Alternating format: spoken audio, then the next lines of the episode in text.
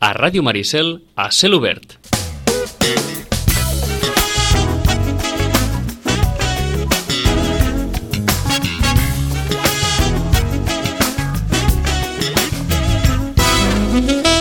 Doncs una nova hora d'Europa amb el suport de la representació de la Comissió Europea a Barcelona, l'Oficina del Parlament Europeu a Barcelona, el Centre Europe Direct de la Diputació de Barcelona i l'Ajuntament de Sitges amb la col·laboració d'Eurolocal. Joaquim Millan, bon dia. Molt bon dia. Ai, faré una pregunta. Ai, ai, ai. Què votaries eh, si estessis a Grècia aquest di...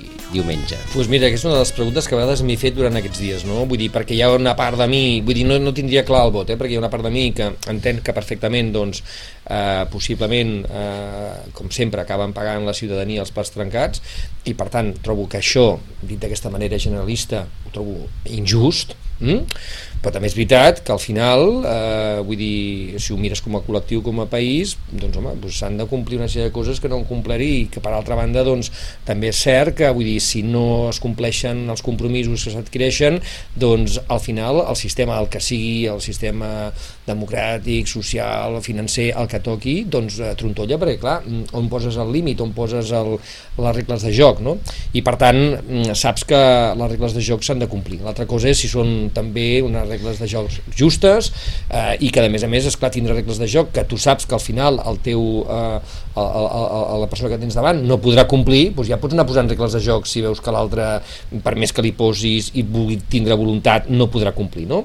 I per tant jo crec que és una mica un joc dels despropòsits durant els últims temps, no? Uh -huh. uh, a més que avança la partida, un té la sensació de que és una partida entre dolents, aquesta. Bueno, és que ara ha arribat el moment que, que clar, totes aquestes escenificacions, això que en diuen eh, el postureo i tot el rotllo aquest, doncs eh, s'està esgotant, perquè arriba un dia de la veritat, i arriba un moment de, de l'examen, no?, que diuen, eh, dius, bueno, tu pots anar fent i arriba un dia que diuen, ara t'examinaran i ara veurem la veritat, no la realitat i per tant en aquest moment està arribant, ha arribat? I, i, i ha arribat amb unes condicions que dona la sensació pels que estem observant i no estem dins aquestes reunions que seria interessant veure què passa realment doncs que això va malament, va molt malament perquè ara qualsevol solució és dolenta ja no hi ha una solució bona, saps? Doncs eh, parlarem perquè té una, una certa pressa i aleshores doncs, eh, avancem eh, tenim eh, a l'altre costat del fil telefònic Antònia Sabartés, eh, llicenciada en Geografia i Història per la Universitat eh, Autònoma de Barcelona i que doncs, va ser també secretària general de l'Euroregió Pirineus Mediterrània. Senyora Sabartés, bon dia. Hola, bon dia. Um, ara estàvem comentant eh, el tema de la setmana amb en, sí. amb en Joaquim Millan, que és, uh, que és Grècia. Um, què deuen estar pensant ara mateix uh, els grecs? Si, si fóssim grecs nosaltres, què pensaríem? Doncs eh, és una pregunta difícil. Jo soc molt fan de Pietro Magaris i llegeixo les seves novel·les mm. i crec que les tres darreres expressen bastant el sentiment del poble grec però crec que és un poble decepcionat i bueno, que en un cert moment ha volgut tenir una il·lusió, una il·lusió de canvi eh, que ha sigut eh, bueno, la victòria de Sirissa, uh mhm. -huh. però evidentment sense, sense entendre les, totes les conseqüències que, que la seva situació econòmica comportava si s'han agafat a una barca de salvació que no podia salvar-los. Uh -huh. uh, tot i que desitjaríem que fos així. Eh? Sí, el, el que eh, Sirisa va prometre probablement més del que, del que podia prometre i, i a partir d'aquí doncs, es poden guanyar eleccions però no es poden portar a terme realitzacions. Certament. El que passa és que, bé, el tema grec, eh, jo, en fi, jo no soc, jo no soc economista, el segueixo perquè en fi, soc, eh, sí que les relacions internacionals són la meva especialitat, uh -huh. per tant, però diríem, jo crec que hi ha com diverses fases no, d'això. Primer, la, potser, bueno, hem d'admetre, tot i que jo sóc partida, diríem jo, no, no, no, no en renego, que l'euro potser es va implantar d'una forma massa ràpida o hauria, hauria d'haver estat més controlat. En el cas grec va ser cert que, en fi, que dues grans famílies es repartien el poder, el Partit Popular grec i la General Democràcia i el PSOC, mm -hmm. i entre els i a més en aquest cas dues famílies, eh, Caramal i sí. Papandreus, eh, i jo crec que, bueno, que fins que va arribar Iorgos Papandreus, que va, va, va admetre eh, ta, i va ser quan els grecs van perdre en bona mesura la seva pròpia sobirania. Uh -huh. eh, francament, diríem, és una llarga història i que, els, que el sistema grec de, de pensions és insostenible, que el sistema d'administració pública és insostenible perquè està inflat, tot això segurament ja ho sabia tothom i ningú ha volgut, eh, i entre tant, eh, bueno, Goldman Sachs, eh, per cert, on treballava el president del Banc Central Europeu, uh mhm. -huh. eh, els hi anava tapant els forats.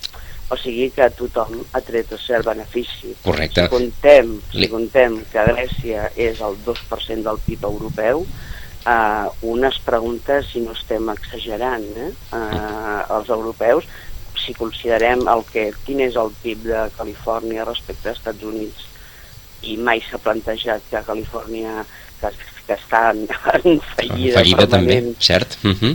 eh, sortir, dels, sortir de la federació Uh -huh.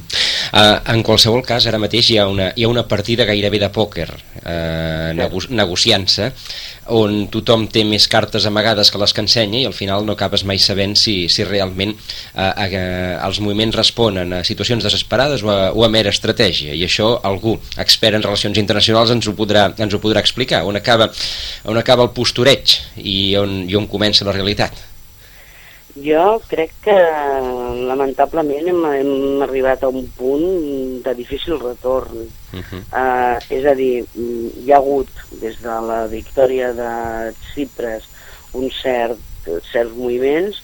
Uh, francament, crec que la convocatòria del referèndum en aquesta fase no és una bona idea.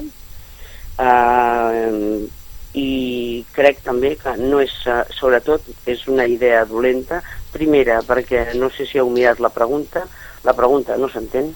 és a dir, bueno, no s'entén. Som, ex dir, som experts eh, en preguntes que no s'entenen, però bé. Sí, en general, però és a dir, és impossible, és a dir, si nosaltres que més o menys seguim la... Clar, si no agafes el document que ha fet públic la Unió Europea sobre les condicions, és impossible entendre la pregunta que fan en... Uh, clar, aleshores la, és, és ridícul. I sobretot, bueno, en síntesi, dracma euro, no? Punto. Uh -huh. Sí, sí. Aleshores jo crec que, bueno, que és, és, és una pregunta sense retorn, perquè si guanya el dracma jo crec que Grècia quedarà aïllada absolutament i crec que el poble grec, els 11 milions de grecs no en tenen cap necessitat i si guanya l'euro tant de la, la, la versió de, de continuar vinculats a, íntegrament a la Unió Europea ens haurem de plantejar seriosament Uh, no només, com tothom diu, perquè clar, també és fàcil ara, com que és un govern d'esquerra, són uns des... són, no saben de què parlen, etc són demagògics, però cuidado, eh? Cuidado perquè l'Eurogrup no és la Unió Europea, eh? Uh mhm. -huh. I aquí crec que hem de tenir-ho molt present. Jo crec que uh, la majoria dels ciutadans europeus considerem els grecs, els nostres aliats uh mhm. -huh. i, eh, bueno, i la situació econòmica dels grecs no és només culpa seva i crec que, en fi, que, que s'han d'acabar aquestes polítiques dramàtiques d'austeritat eh, quan després, sense voler fer demagògia, se saben els salaris de la gent del Fons Monetari Internacional i, i hem vist com s'ha viscut a Espanya, hem vist com s'ha viscut a Itàlia, l'empobriment d'una part molt important de la població i a l'enriquiment sense límits d'una altra i és evident que ja tenim, tenim un problema, eh? Uh -huh. tenim un problema de, europeu de, de fons i és qui mana i, i és un problema de sobirania i crec que aquesta és la clau a Grècia i ho serà a la resta d'Europa també. Es, es va fer un euro a mitges i es va fer una unió política, entre cometes, a mitges, amb un, amb un Parlament amb pocs poders, amb tota una sèrie de, de mancances que, quan la cosa va maldada, estan sortint a la llum. Efectivament, i el que no... Eh, bueno, el Parlament té poders, l'únic problema és que al final de tot eh, Uh, bueno, si, si es reuneix un grup, l'Eurogrup uh, i la Troika són qui prenen les decisions i clar, i darrere de tot això hi ha el, vull dir, hi ha molts interessos financers i Mhm. l'FMI, francament, no, en aquest, ja fa molts anys que no està defensant la, la, la, qualitat de vida dels ciutadans del món, que és la seva, una de les seves feines. Eh? Mhm. I jo crec que... En fi, què desitjo, en conclusió? A veure. Eh, desitjo que Grècia continuï, desitjo i crec que els europeus hauríem de ser ferms que se'ls doni l'oportunitat de continuar i sobretot eh, s'han d'acabar perquè és l'única manera de que Grècia pugui tirar endavant s'han d'acabar aquestes polítiques es, es, que la política econòmica de la Unió Europea es limiti a l'exigència de l'austeritat i no al creixement crec que és un dels grans eh, problemes que estem vivint. Doncs eh, us agraïm, us saluda Joaquim Millan. Gràcies, Antònia, Ah. per donar-nos aquesta estona aquí i poder començar aquest programa d'avui amb les teves interpretacions del que està passant, perquè cap i a la fi, com deia molt bé el Joan, eh, passen coses, però els ciutadans de peu eh, ens cal que alguns els vagi interpretant, no? i per tant agraïm molt aquesta pedagogia que amb el tema europeu és tan necessària. Gràcies per estar avui aquí. Moltes gràcies a vosaltres. Adéu, bon dia. Adéu, bon dia.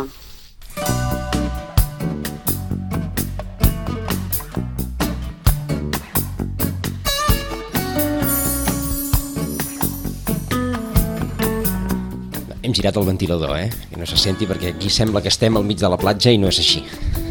Estem en una temperatura com si estéssim al mig de la platja, oi? Però sense, sense això. Doncs, com comentàvem eh, amb Antònia Sabartés, eh, difícil, difícil papereta tenen els ciutadans grecs, perquè per una banda hi ha eh, doncs, eh, l'orgull eh, legítim que pot sentir cadascú de que no li imposin les decisions de fora i d'exigir, i precisament a la cuna de la democràcia encara més, d'exigir com a mínim el respecte a les decisions del poble i, una altra, i per una altra banda doncs els compromisos que bona part d'ells s'han s'han adoptat sense doncs, saber-ho la ciutadania i sense eh, que la ciutadania en sigui responsable O inclús conscient, que a vegades també uh Mhm. -huh. ho saps, però no saps la lletra petita. Hi ha un punt de consciència, avui la Vanguardia ens explica que, que al nord d'Atenes de, hi ha declarades 300 piscines de 16.000 que n'hi ha, em sembla. Per això, per això, vull Sí dir que... que- També hi ha una, un comportament d'ADN cultural, no?, de, de, de cada societat, i poder ara també eh, aquesta, aquest tema també el tenim sobre la taula i veiem també una mica, doncs, com ells fins ara, ara poder en són més conscients o, o, o, també han pres consciència de que realment doncs, la situació ha arribat a un límit, no? que fins ara era, bueno, anar dinant i ja veurem, ja veurem. No ho sé, això és una de les coses que a vegades també ho comento amb els meus amics grecs i, i tampoc en traiem aigua clara perquè, bueno, tampoc agrada reconèixer que, que poder no has estat el prou conscient o responsable i ara doncs, bueno, entrem amb, amb aquesta dinàmica que ara que això faixa, no? Uh -huh. Doncs saludem al senyor Anton Gasol, que és doctor en Ciències Econòmiques i Empresarials. Ah, perdó, perdó. Bé, eh, doncs saludem a Xavier eh, Mingorance, que és... Eh, és que hem, hem hagut de, de, de, fer el, de fer el canvi, llicenciat en Història de l'Art per la Universitat de, de Barcelona i a més a més doncs, eh, ha treballat molts anys aquí, aquí a Sitges i va fer eh, fa poc una, una conferència sobre la, la construcció eh, d'Europa. Eh, Xavier Ingorance, bon dia. Bon dia. Com, com podràs sentir, se- parlàvem del temps ara mateix, eh? la setmana de Grècia. Aquí Sí, sí, no, no m'ha donat temps a sentir gaire perquè estic aquí en, en plena efervescència, diguem-ne, acadèmica. acadèmica. Digue'm, doncs digue'm. um, vas fer fa, fa poc precisament una, una uh, conferència sobre la, la construcció de- d'Europa, bé, en un moment que, que sembla que Europa s'estigui construint, no? Bueno, tant com això de construint, de construint, no sé si, si, si seria la paraula exacta, això ho haurien de dir més eh, aviat a, als experts, no? Mhm. Però, vaja, és una història que s'ha repetit al llarg de, del temps una i una vegada i una altra, no? Per molt que ho hagin intentat, a Europa pues, sembla ser que, que és una, una, un, una península en majoria, eh, eh, bueno, a lo gran, no? Que per molt que ens eh, vulguem estar juntets mai estem a gust. Mhm. Poder, del tot. poder, poder, Xavier, amb la perspectiva de, de, de la història, tu com a hi- hi- historiador també, i, i que d'alguna manera doncs, eh, en aquella conferència jo que hi vaig assistir doncs, vaig veure, doncs et dona la sensació que al final, per més eh, que hi hagi voluntat eh, de construir Europa, d'intentar que Europa funcioni, etc etc, com a mínim, com tu deies, mm, més units, no sé si del tot, però més units, al final sempre acaba la cosa patant, no ens acabem entenent, eh, és, és molt complicat eh, passar de certes, de certes dinàmiques d'anar junts a realment fer una Europa de veritat. Eh, eh, tu amb la perspectiva històrica, possiblement amb els exemples que, que ens vas posar en aquella conferència, eh, tu, tu veus eh, alguns símils actuals o senzillament la situació és diferent però al final poder el resultat també serà el mateix? Bé, jo crec que, crec que des del punt de vista de la, de la història de l'art, eh, o, o de la història, mm, el, el que feien la creació europea és que eh, s'ha volgut fer sempre des del punt de vista econòmic o polític, fins i tot militar. I crec que eh, aquí és on falla la idea, no? El fet de que voler eh, equiparar o, o fer parells eh, i treballar en un sol grup a, a gent tan dispar com economies eh, o polítiques tan dispars com Grècia, Itàlia, Espanya, amb la finlandesa, la, la holandesa, la, l'anglesa és realment difícil. Llavors, eh, al llarg del temps s'ha vist que eh, mica en mica el, el fet cultural, el fet diferencial, eh, va fent que cada vegada es produeixi aquesta des desgregació. Els trets identitaris de, de les nacions, els països, eh, no són tals, el que en realitat són els, els trets d'identitat dels pobles, i els pobles eh, tenen orgull, tenen eh, personalitat pròpia i és molt difícil encabir-los eh, dintre d'un calaix eh, de sastre en què hi cap tot, no? Uh -huh. Jo crec que el problema és que per molta unió econòmica, i aquest és la, des del punt de vista de la història o de, o del, de l'historiador de l'art i de la cultura, eh, crec que s'havia de fer una unificació més plantificada, o planificada, perdó, des de la idea d'una unió mm, político-cultural, social i econòmica, però que respectés eh, eh, la idiosincràsia i la personalitat diferent de cada un dels membres o dels pobles que, i, i dic pobles, no utilitzo la paraula nació intencionadament, uh mhm. -huh. perquè dintre de les nacions tots sabem que hi ha molts pobles que estan allà més a disgust que a gust en moltes ocasions. Sí. Eh, I fins de, aquí parlarem. No? De fet, sí, de fet el, el, el, el món està, està ple d'exemples i podem parlar d'Estats Units, podem parlar de, de, de Rússia, eh, per exemple, o de la Xina, que, que de fet són conglomerats de pobles. Eh, a Estats Units potser no tant, però clar, no és... Eh, una seny un senyor de Texas té poc a veure amb un, amb un senyor de Massachusetts. O de Califòrnia. Exacte, o de Califòrnia. O de Bueno, el, el, el, cas de, el cas dels Estats Units és molt diferent, perquè mm. el poble dels Estats d'Amèrica va ser, va ser diguem-ne, massacrat. Mm -hmm, correcte, el, el, el poble original sí, el, va ser substituït, original, però... O sigui, jo, altres jocs... Eh, Eh, L'antiga Iugoslàvia, per exemple, uh -huh. eh, seria un exemple perfectament intel·ligible, o fins i tot Grècia, amb la part de, de Macedònia, o eh, inclús Itàlia, eh, on els, on els eh, eh, jumbards tenen molt poc veure els piemontesos o amb, els, o amb la gent, o amb els sicilians, eh, o sigui, que són, parten una mateixa llengua, tenen una, una mateixa cultura, però que mm, venen de, de, de, de maneres d'entendre la vida molt diferents. Eh? Uh -huh. sí és com comparar aquí un basc amb un andalús. Eh? Se n'entenen, però, però són diferents. Sí, o un aranès amb un de les Terres de l'Ebre, si ens, ens Això, més sí, a prop, sí, oi? Jo sempre, jo sempre els, els, meus, els meus companys de, de la facultat eh, eh, que provenen de, de Lleida, jo sempre els hi parlo de... els identifico com el fet diferencial, o sigui, ja, ja en plan de, de, en clau d'humor, no? Sempre és que vosaltres lo, lo, marqueu el fet diferencial i, i en realitat som catalans i fixeu-vos que en un país tan petit i, i tan ben, diguem-ne, germanat, fins i tot aquí hi ha diferències que s'han de respectar.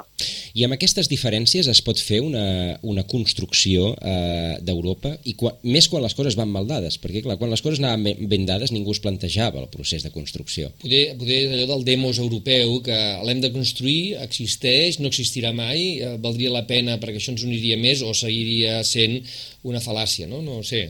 Sí, jo, a veure, jo des del meu punt de vista, jo som un, un profund ignorant de l'economia, uh -huh. eh, jo des del meu punt de vista el problema és que es, es centra molt, molt, molt en, en, en una economia amb un sol model. Eh, és com fer, portar el mateix horari laboral a un grec, a un, andal, a un andalús que a un finlandès. És impossible que tinguin un mateix horari. Pues no poden tenir un mateix horari perquè les condicions climàtiques eh, són molt diferents no poden tenir un mateix horari eh, o, o un mateix model econòmic eh, dos països tan diferents com Finlàndia i, o, o Anglaterra i, i Grècia o Espanya, no? O sigui, s'ha de tenir un... no sé, això els econòmics ja sabrien una mica més. Sí que s'ha de fer un front comú, jo crec, però és molt complicat, és molt complexa. Uh -huh. eh? De fet, el naixement de la, de la comunitat econòmica europea, doncs això, el segon terme era econòmica, perquè havia -huh. nascut de la SEC, etc etc. per tant, doncs, sí, sí. Eh, clar, el, naix el naixement de la idea de, de la unificació europea parteix d'una base absolutament econòmica. Bueno, de fet, els pares de la Unió Europea parlaven de ciutadania, però el, el, en el moment que ho transmeten en un paper i ho han de transmetre en un paper eh, o traslladar en un paper els governs dels estats dels aquells primers sis estats, van pensar que poder eh, el tema econòmic era el tema més evident eh, per poder-se posar d'acord, perquè possiblement fos el tema que seria més evident que hi haguessin desavinences, no? Que això poder, en aquell moment va poder ser un encert, però hem vist que durant tota aquesta trajectòria, i això poder el Xavier eh, ens pot comentar alguna cosa, doncs, doncs hi ha hagut tota aquesta tendència que ja, ja deia ara fa un moment de, de pensar de l'Europa dels mercaders, l'Europa econòmica, la poca importància de la ciutadania, i ara ens trobem doncs, que quan li demanem a la ciutadania que respongui com a europea, doncs, doncs, bueno, no se sent europea. Aquesta és una mica també el contrasentit i la realitat, no? Sí, sí, és que al llarg de la història sempre ha estat així, o sigui, eh, que li havies de dir a un, a un personatge que vivia a, la, a, a, la, a la zona gallega a, o a, a, la, a Ibèria en general, eh, que se sentia romà. Amb el pas del temps per la imposició militar van gairebé desaparèixer i es van aculturitzar, però, en fi, de fet, un gal no se sentia romà de cap de les maneres. Eh? Va ser eh, els romans que van colonitzar els, els legionaris eh, llicenciats que van conquerir, colonitzar. És exactament el mateix que va passar molts segles després amb, amb, amb Amèrica, en què els colonitzadors van arrasar amb la població indígena o la van culturitzar i aquí es van generar problemes. De tots sabuts els, els problemes que hi ha hagut amb les comunitats indígenes de eh, Sud-amèrica o de Latinoamèrica, per així dir-ho, en la qual pues, el, els, els europeus van aportar no només malalties, sinó també alcohol i altres eh, matèries que, eh, que ells no estaven acostumats i, que, i, una manera de vida que, que encara avui en dia en molts casos els és molt difícil d'acceptar. Però sempre per la, per la via militar, mai per la via de l'acord. Sí. Eh, no sempre, eh? no sempre. Hi ha, hi ha hagut per la via comercial, hi ha, hi ha hagut per la via... Poques vegades, eh? i aquí eh, nosaltres tenim la, un exemple magnífic és l'exemple de Carlemany, que tot i que feia servir la conquesta, uh mhm. -huh. eh, va donar-se en compte de que per eh, fer una unificació necessitava una, un model cultural, religiós eh, i de pensament. Eh, va fitxar el Cui de York, eh, un gran pensador, va, va fitxar molts altres personatges eh, que van treballar eh, colze per colze i que van donar, diguem-ne, una base intel·lectual, no? teològica eh, diguem-ne de pensament eh, que va permetre que si més no durant la seu, el seu regnat eh, hi hagués una certa coherència. Això, evidentment, es va desfer ràpidament Correcte. quan va tenir la idea de repartir el regne, uh mhm. -huh. aquest bon home. Sí, sí, per això, és a dir, mor, mor Carlemany, s'acaba la seva idea. La, la idea ha perviscut, però s'acaba, diguem, eh, el, els fruits del seu, de, del seu imperi d'aquesta manera. I després a partir d'aquí tota la resta d'intents de, de fer una gran Europa han vingut des de, des de Napoleó fins a Hitler eh, per la via de, de, dels militars. Hitler era, era com era però Napoleó teòricament portava les idees de la, de la Revolució Francesa però així va acabar Sí, sí, bé, però les idees de la Revolució Francesa ràpidament van passar a, a idees imperialistes. Correcte. Però, de fet, de fet, al llarg de la història, probablement el, el, el, la persona que, o, o el personatge eh, històric que ha tingut una, una intenció política de, de fer una unificació eh, diguem-ne més global va ser Carlemany. Uh mhm. -huh. eh, Hitler no volia crear Europa. No, cert, cert. Volia, uh -huh. volia crear Alemanya. Exacte. I volia que tot fos alemany. Eh? I, Alemanitzar Europa, no? Uh -huh. I ja està, era, era, era, els romans van haver d'expandir-se perquè, perquè havien crescut tant que necessitaven mm, camps de conreu. Clar. Eh? i no volien, no volien crear Europa. El concepte d'Europa és molt més tardà, evidentment. Sí, sí, correcte. El, el que passa és que, clar, explicar ara tot això, a principis del segle XXI, eh, quan doncs, eh, sembla ser que són els mercats els que ens estan imposant uns mercats que, que no coneixem, doncs ens estan imposant unes, unes condicions duríssimes pel fet de formar part d'un somni, eh, és complicat d'entendre per la majoria de la ciutadania. Sí. A veure, eh, és que eh, jo no sé el somni de qui és. Mm. Eh? Eh, perquè el somni, Home, aquest somni de què és? ens l'han somni venut, és del Xavier. po- Aquest, aquest somni és del poble? No.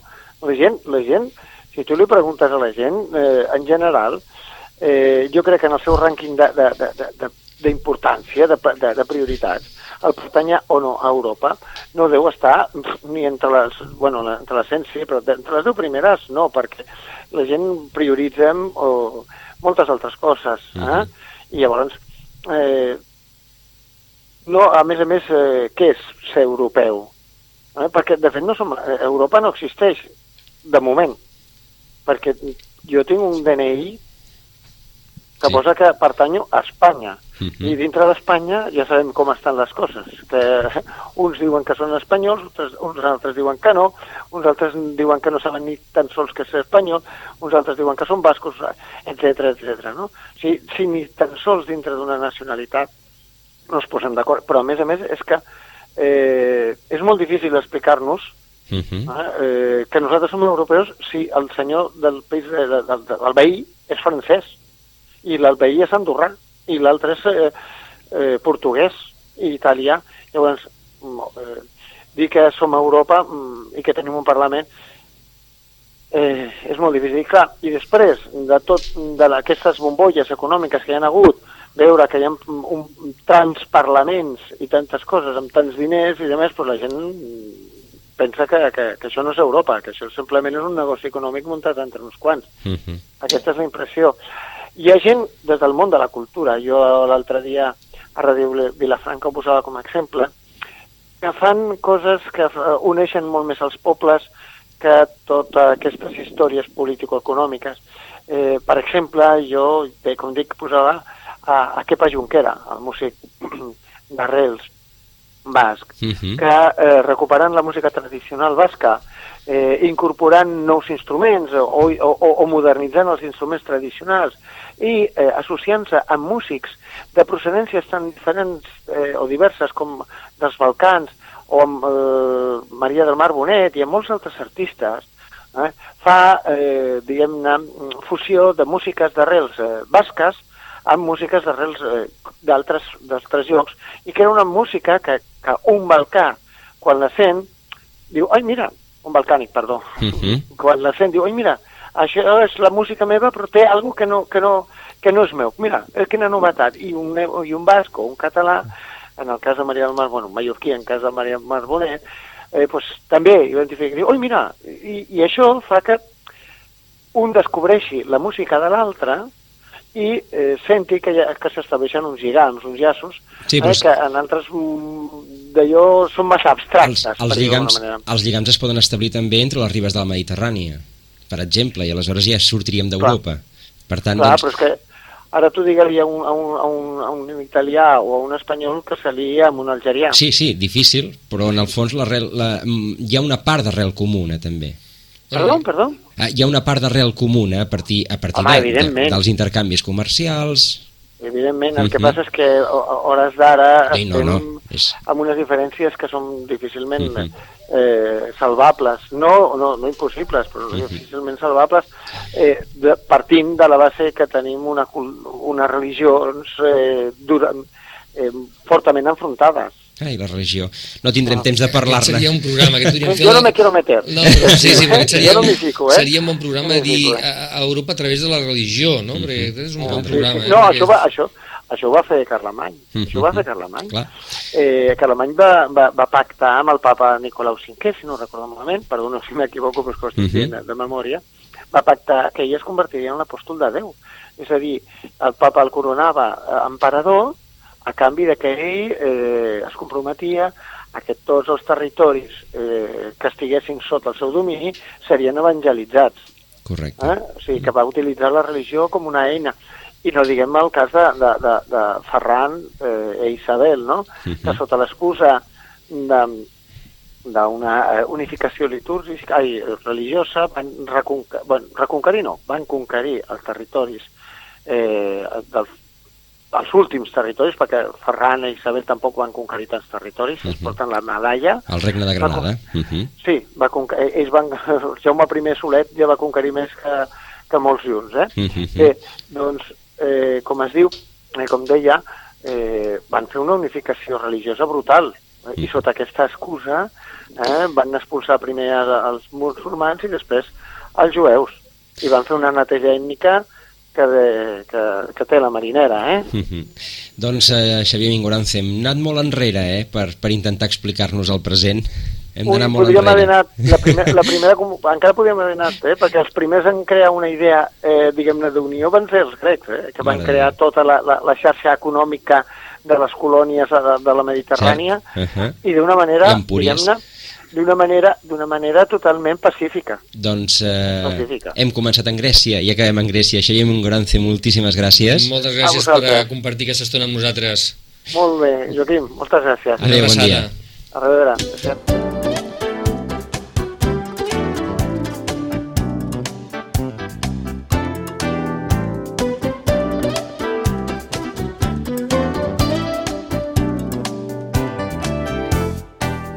Doncs el passat que ho explica tot.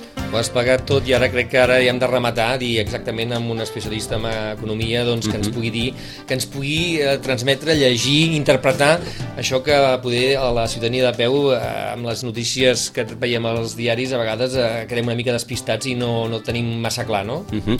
Doncs saludem el senyor Anton Gasol, doctor en Ciències Econòmiques i Empresarials per la Universitat de Barcelona, màster en assegurances per l'INESE i diplomat en comunitats europees, que exerceix de consultor i analista econòmic i financer. Senyor Gasol, estem, estem, estem preocupats per Grècia i no acabem d'entendre què està passant.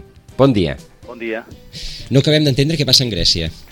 Bueno, vostè ha dit primer si estem preocupats eh, per Grècia Uh -huh. i jo ara estava mirant algunes coses i els lectors de determinats diaris, en un 80%, pensen que Grècia hauria de sortir de l'euro, per tant, molt preocupats. No, de, o sigui, en general, potser aquesta preocupació no és universal.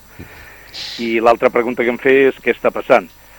Miri, el que està passant és que quan es prenen decisions, i bàsicament decisions polítiques, com va ser Grècia la seva entrada al mercat comú, el que es deia després del mercat comú l'any 80, amb, amb el primer ministre francès, perquè deia com pot ser que el país que ha instaurat la democràcia no estigui a la Unió Europea, Uh -huh. i aquest va ser un motiu, per tant, un motiu polític, i quan Grècia ha entrat a l'euro hi va haver un altre motiu polític, perquè no complia els requisits per poder-hi entrar, i es van eh, amanyar, es van arreglar estadísticament els comptes perquè això fos possible, i també va ser una decisió política.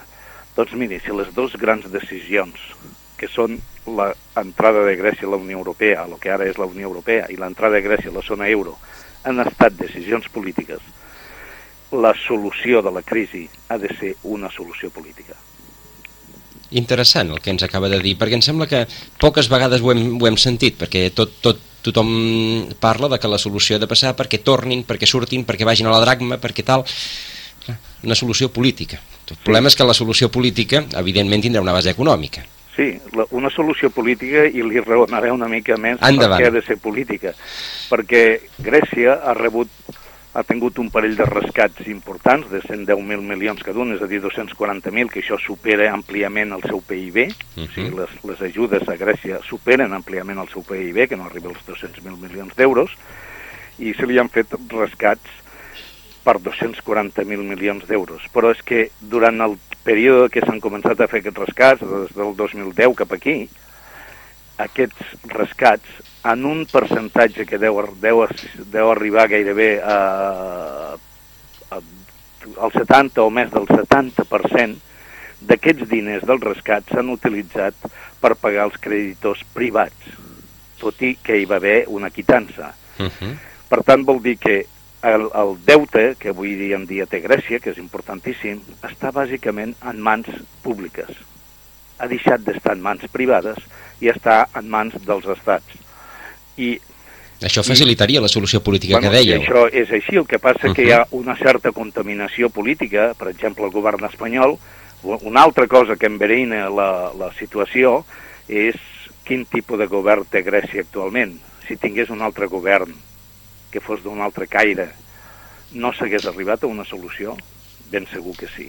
Per tant, si barreja un tema, de, diríem, d'ideologia en, el, en la composició dels governs. I, per exemple, el govern espanyol pues, diu per esquerra i per dreta, esclar, és que a nosaltres ens deuen 40.000 milions. Eh? Com hem de perdonar això si no fan els deures? Uh -huh. I això no és només un tema econòmic, sinó que és un tema polític. És a dir, s'utilitza una situació econòmica per combatre un tema polític, que és un, un, una, una ideologia diferent en un país i en un altre, i per tant, doncs, si amb la riuada m'emporto el govern grec pel davant, doncs millor que millor.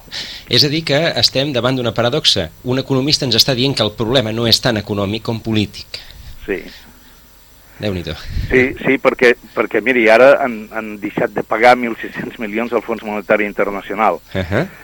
I, per tant, estan en mora durant un període d'unes setmanes. Uh -huh. I si realment durant aquestes setmanes no s'arriba a una solució, després sí que hi hauria una suspensió pròpiament dita de, del pagament, uh -huh. com ho ha estat Rússia en un altre moment o com ho va estar Argentina en un altre moment.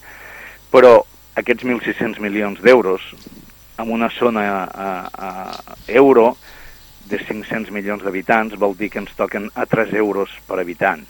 Si realment hi hagués, si imperés, si imperessin els valors que realment haurien d'imperar en la, a la Unió Europea, doncs que vol dir els valors de la solidaritat, de l'equitat, de la justícia, eh, tots aquests valors que són els, els únics que ens poden mantenir, si això hi fos, doncs no pateixi que això estaria solventat, però hi ha els egoismes de tota mena, nacionals, que fan que aquestes solucions costin d'arribar-hi. Uh -huh. És a dir, els grecs eh, estan a dins perquè algú va mirar cap a una altra banda i perquè va interessar, tot i que els grecs tampoc es van esforçar excessivament per fer els deures quan tocava. Sí, bueno, què vol dir els grecs no es van esforçar? No, els grecs no, no, segurament no es deuen haver esforçat, però ja li asseguro jo que veia algunes imatges en directe per, per, per digitalment de lo que està passant a Grècia, de veure les cues de gent gran per intentar cobrar part de les pensions, escolti, no li, no li desitjo ni el meu pitjor enemic que hagi de passar per aquests tràngols i per aquestes situacions, quan Però... altra gent que no han fet, que tenien les regnes de dirigir les polítiques de tot tipus i no han fet bé els deures, i escolti, mm, i encara, ven, i encara ens venen a dir què s'ha de fer per superar les situacions, els mateixos que ens hi han portat. O sigui que, i és veritat que, que a Grècia doncs, hi, ha, hi ha un nivell de frau de la seva economia que deu ser de l'ordre del 25%, però és que Espanya deu ser de l'ordre del 20%. Eh, és evident que eh, hi deu haver un nivell d'ocupació pública a Grècia eh, astronòmica en relació comparada amb, altre, amb altres països del seu entorn. És a dir, tot això és veritat, però aquest enorme endeutament, pensi que a Grècia hi va haver algun any, com el 2007, si no recordo malament, que van necessitar de l'ordre del 14 o 15% del seu PIB de dèficit exterior, és a dir, va haver d'entrar, eh, si són uns 30.000 milions de fora amb una economia que no arriba als 200.000 milions, 30.000 milions de fora per fer front a les inversions o les despeses que feien els grecs. Qui facilitava aquest finançament? Que és que, miri, jo he estat molts anys analista de risc, escolti, és que, és, és que un pot donar els diners, allò que diuen en castellà, a manos llenes, sense mirar el què, bueno, pues perquè se sabia que s'estava dintre la zona euro, que era una zona en la que hi havia una certa mutualització del deute i que amb el dades, pues, escolti, un o, un o altre eh, resoldria la situació. Bueno, uh -huh. pues aquest tipus de coses, o sigui, estan passant coses perquè quan s'estaven fent ningú les posava en tela de judici. Correcte. Aquí, aquí i allà. A, to, I allà. a tot arreu, correcte. Sí, sí, sí.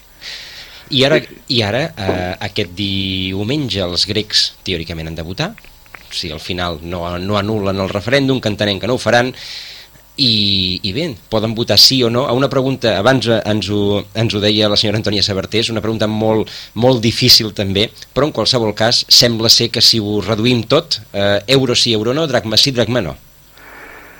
Sí, jo, mm, la veritat és que m'imagino que deuen tenir el cor partit, aquesta uh Mhm. -huh. gent, eh, ben segur. El deuen tenir partit perquè el seu cor deu dir nosaltres som el crisol d'Europa. Com pot ser que es plantegi la possibilitat de que nosaltres, que li hem donat tant a Europa, ara hàgim de dir que no a Europa. I per altra banda deuen dir, escolta, a tanta iniquitat, tampoc. I aleshores, pues, bueno, davant d'aquesta conjuntura, eh, allò d'aquell cantant espanyol, no, del corazón partió, pues, bueno, alguns es, de, es decantaran pel sí i altres es decantaran pel no, perquè realment el que voldrien és continuar mantenint-se a Europa, però que hi hagi una certa acceptació o flexibilitat en la forma de resolució d'això i no portar aquesta gent a un, a un veritable via crucis si realment surten de l'euro i surten de la Unió Europea.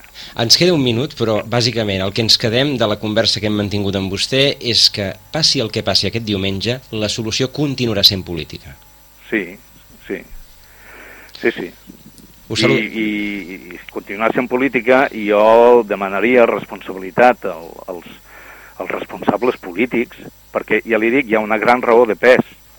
El deute grec està bàsicament en mans públiques i per tant no són les mans privades les que han de decidir, són mans públiques que estan, decidir, estan decidint com, què s'ha de fer per poder recuperar l'activitat econòmica a Grècia. Pensi que aquí a Espanya, que s'ha patit tant durant aquest període de crisi, l'economia espanyola ha caigut un 8%, la, la, la població activa un 18%, però l'economia un 8%. A Grècia ha caigut un 25%. Si aquí està vostè notant crisi amb, amb, amb la demanda, en molts aspectes, amb un 8%, ara imagines vostè tres vegades més. Què es deu notar allà? I, evidentment, hi ha l'idea, hi ha un frau enorme. I què passa? Pues que paguen sempre justos per pecadors. Tots els que tinguin eh, recursos i tal, tots aquests no pateixen que tindran els ronyons coberts. I els altres es quedaran amb el cul a l'aire, com vulgarment es diu. La història de la humanitat. Anton Gassol, moltíssimes gràcies. Us saluda Joaquim Millan. Moltes gràcies i m'uneixo a la seva crida de solució política a una situació que també s'ha creat per decisions polítiques. Moltes gràcies per haver-nos atès. Eh, senyor Gassol, bon dia. Molt bon, Bon dia. dia. moltes gràcies. Social. I Joaquim, ho deixem aquí. Bon estiu. Ho, ho deixem aquí. Bon estiu, que vagi bé.